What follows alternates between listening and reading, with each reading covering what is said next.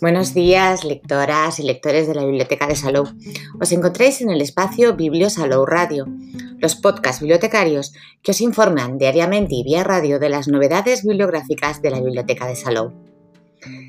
Los podcasts de los viernes os hablan de lo que podemos encontrar en las redes sobre una de las novedades de cómic del próximo mes, en este caso de junio, y hoy, 7 de mayo, os presentamos la serie Manga Shonen, es decir, dirigida principalmente a adolescentes de entre 12 y 18 años, de Promised Neverland, escrita por Kayu Shirai e ilustrada por Posuka de Mizu, publicada en España por Norma Editorial.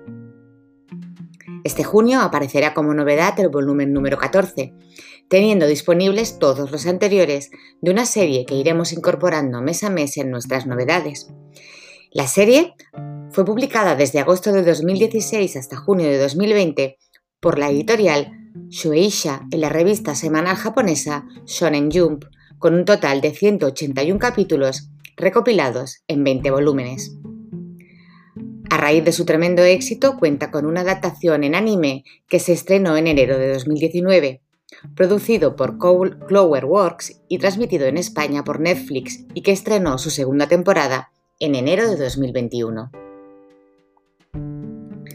En la reseña de la contraportada del primer volumen podemos leer Emma, Norman y Ray son tres huérfanos que viven felices en el idílico orfanato Gracefield House, esperando el momento en el que se les asignará una familia adoptiva.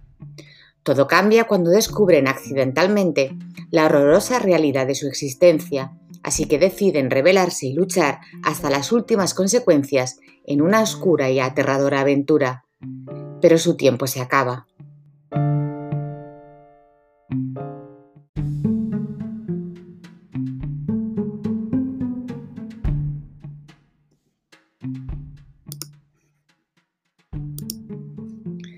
Físicamente se trata de volúmenes encuadernados en rústica con sobrecubierta, de un tamaño de 11,5 por 17,5 centímetros. Las cubiertas son siempre a color y protagonizadas por diferentes personajes. El interior es en blanco y negro. La obra fue premio Shogakukan al mejor shonen en el 2018. ¿Cuál es el argumento de la obra? Ambientada en un futuro distópico, en el año 2045, Emma es una niña huérfana de 11 años que vive en el orfanato Gracefield House junto a otros 37 niños a los que considera sus hermanos y bajo la custodia de una mujer conocida como madre. Los niños de este hospicio viven felices y disfrutan de los mejores cuidados hasta que cumplen 12 años, momento en el que tienen que marcharse de allí. Por norma general, visten uniformes blancos, tienen un número de reconocimiento tatuado en el cuello y hacen exámenes diarios en los que Emma siempre obtiene la, obtiene la máxima puntuación junto a sus mejores amigos Norman y Ray.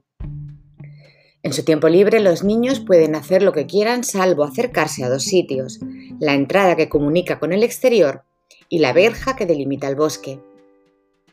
Una noche Emma y Norman infringen la norma de acercarse a la entrada para devolverle a Connie, una niña recién adoptada, el conejo de peluche que se había olvidado al salir.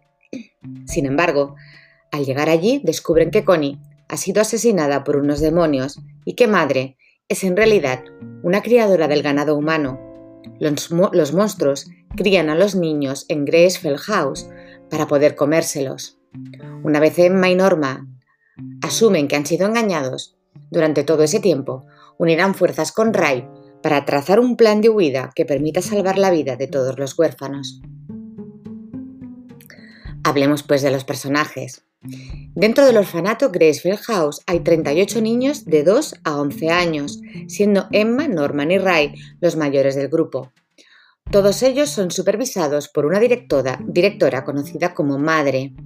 Al comienzo de la serie no se ofrece información sobre la localización del centro de acogida, más allá de que funciona como una granja que produce carne humana y sus productos son considerados un alimento de lujo por los demonios que habitan la Tierra. Los personajes principales son Emma, con el número de reconocimiento 63.194, que es la protagonista de la serie. Se trata de una niña de 11 años, de personalidad extrovertida, gran capacidad de aprendizaje y experta en influir positivamente a quienes la rodean. Además, es una persona muy protectora que considera a los niños del orfanato como su propia familia. Norman, con el número de reconocimiento 22.194, es considerado el genio del orfanato. Se caracteriza por sus habilidades analíticas, su gusto por la estrategia y su capacidad de deducción. Además, posee la suficiente fortaleza mental para tomar cualquier decisión con aplomo, aun en las situaciones más complicadas. Ray, con el número de reconocimiento 81.194, es el único niño del orfanato que puede rivalizar con Norman. De personalidad solitaria, posee una enorme inteligencia y es tan calculador como tenaz. Isabela es la madre de Grace House, una mujer joven que se dedica a cuidar a los niños del orfanato, así como supervisar su crecimiento para la recolección de carne humana. Antes de ocupar ese puesto, también se crió en un orfanato similar, con el número de reconocimiento 73.584. Aunque a primera vista se muestre muy cariñosa con los niños, en realidad es una persona manipuladora y astuta, que además muestra mucho desapego al trágico destino de sus pupilos. Razones para no perderte este shonen ya finalizado sin haceros ningún spoiler. The Promised Neverland es un thriller psicológico con cierto componente dramático y con algunos elementos fantásticos. En su primer contacto, la obra de Shirai de Mizu juega al despiste, manejando un misterio que, como los terrenos del orfanato donde se sitúa el relato, tiene varios niveles y secretos que iremos descubriendo progresivamente. El protagonismo de la aventura recae en Emma, Norman y Ray, los tres huérfanos de mayor edad del orfanato, en el que estos reciben junto a sus jóvenes compañeros los cuidados, atenciones y lecciones de una mujer a, la que todos conocen simplemente como madre. Pero detrás de su pacífica vida, en el campo y aislados de la civilización, entre juegos, obligaciones cotidianas y exámenes diarios, se oculta algo sórdido y oscuro que obligará a estos niños a buscar respuestas y encontrar una manera de escapar del que consideran hasta entonces su hogar. A partir de esta sinopsis, Shirai y Demizu nos plantean un juego de inteligencias y estrategias contrapuestas, de una manera similar, similar perdón, a lo que en su día Sugumi Oba y Takeshi Obata realizaron en Death Note. Las situaciones y las personalidades de sus protagonistas no tienen nada que ver con esta obra, pero sí la manera en la que el misterio se retroalimenta a través del ingenio de los bandos en conflicto. La narración de Kayu Shirai y Posuka de Mizu tiene sus propias particularidades y en su trama nos va dando pistas sobre futuros giros y revelaciones. Es una manera de remarcar el camino que sus autores tienen frente a ellos, una forma de decirnos que en esta trama no cabe la improvisación y todo está medido para que la historia funcione al milímetro. The Promise en Neverland atrapa con su planteamiento y sus personajes, más entrañables que realmente carismáticos, logrando mantener la intriga solo con sus diálogos y su sentido de la acción. La trama se maneja muy bien en los espacios cortos, transmitiendo muy bien las emociones de sus personajes y el clima cada vez más enrarecido por el que se mueve la historia. La narración resulta en todo momento ágil y rápida, avanzando por una trama en la que el misterio se bifurca a cada paso que dan sus protagonistas. Es este modus operandi la misma razón de ser de esta propuesta, por lo que solo podrá satisfacer a los lectores que gusten de este juego y sepan disfrutar más del trayecto que de su posible conclusión. En relación al apartado gráfico, Posuka de Mizu tiene un estilo con cierta familiaridad respecto al sojo clásico, con personajes de rasgos apacibles y miradas penetrantes. Esto hablando de los jóvenes protagonistas de la historia, porque el resto de personajes presentan diseños orientados en otra dirección más oscura y macabra. El juego en el que de contraste que busca de Mizu con sus lápices resulta sencillo y obvio, pero funciona a la perfección dentro de una narrativa en la que priman las viñetas pequeñas y los detalles ocultos de cara al lector. La obra mantiene en todo momento un buen equilibrio entre historia y dibujo, dando como resultado uno de los mangas más sorprendentes y adictivos de los últimos años. Una historia que seduce con una promesa, la de un enigma y unos personajes de los que se necesita saber más una vez os hayáis atrevido a conocerlos. Puntualizar que no esperéis otro manga de lucha. En The Promised Neverland encontraréis acción, sí, pero no es lo más importante. En ella prima sobre todo el intelecto, la estrategia, ir un paso por delante del adversario, por encima de cualquier cosa. Pero nadie mejor que un lector, un pequeño lector, para que os pique el gusanillo de leer esta serie manga.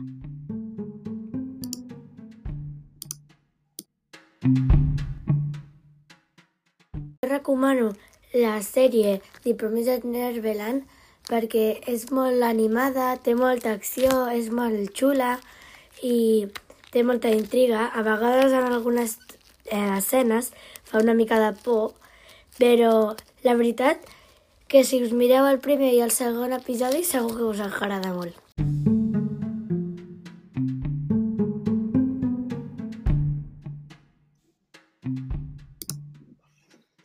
Hablemos ahora de los autores. Esta obra es el debut de ambos autores en una serie de larga duración. Shirai llevaba trabajando en el guion de esta serie desde, desde 2013. Hasta entonces había intentado vender otras ideas a las editoriales. El proyecto se titulaba Una manera de sobrevivir en el mundo exterior. Constaba de 300 páginas y estaba ambientado en un orfanato. Tras acudir a, la editorial Shueisha y reunirse con el editor Takushi Sugita, quien se mostró convencido de su potencial, ambos perfeccionaron el texto hasta convertirlo en The Promised Neverland. Aunque Sugita quería presentar el proyecto a los responsables de Weekly Shonen Jump, pidió a Shirai que encontrara un dibujante con quien poder trabajar. Después de contactar con varios candidatos, la elegida fue la ilustradora Posuka de Mizu, quien antes de esta obra había editado manga infantil y trabajado como ayudante en obras de la editorial.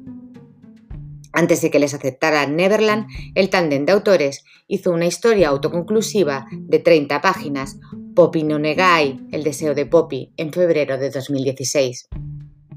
El editor Sugita destacó dos aspectos que le llamaron la atención en The Promised Neverland. Primero, el hecho de que la protagonista fuese una niña, algo muy poco común en historias shonen, y que el argumento estuviese centrado en una fuga. Kaio Shirai es en realidad un seudónimo utilizado por el escritor manga, del que se conocen muy pocos detalles sobre su vida personal, más allá de haber nacido en Gifu, Japón, y que cuando era estudiante hizo algunas obras de teatro tradicional, kabuki, y al graduarse estuvo trabajando en una empresa. Sin embargo, se atrevió a dejarlo todo para dedicarse por completo a la escritura de manga. Posuka, de Mizu es también un seudónimo y se conocen escasos detalles también sobre la vida de la autora, más allá de que se graduó en la Universidad de Tokio.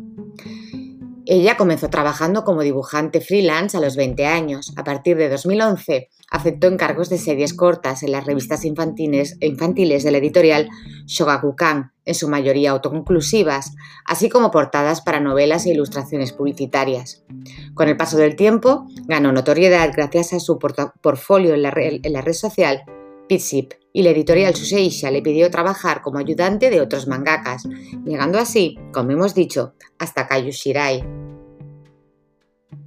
Hemos buscado a Kayu eh, en las redes y no tiene perfil público en ninguna red social ni página web propia. Os remitimos a su perfil en la página especializada en cómic TVOsfera. Por lo que respecta a Posuka de Mizu, sí tiene perfil en Facebook, de, Mizu Posuka todo junto, en Twitter arroba de Mizu Posuka y en Instagram una fanpage arroba Posuka de Art barra baja fanpage. Igualmente también, también podéis consultar su perfil en Tebeosfera. En las bibliotecas del Sistema de Lectura Público de Cataluña, de ambos autores podéis encontrar también La Carta de Norman, una historia original de, Shirai con dibujo de Posuka de Mizu y cuyo autor es Nanao. En el Bibliocat no hay de momento ninguna obra, autor, ninguna obra de los autores. Y hasta aquí el podcast de hoy, pero tenemos más novedades de cómic que iremos descubriendo los viernes. Que tengáis muy buen día y muy buenas lecturas que os acompañen en el día a día.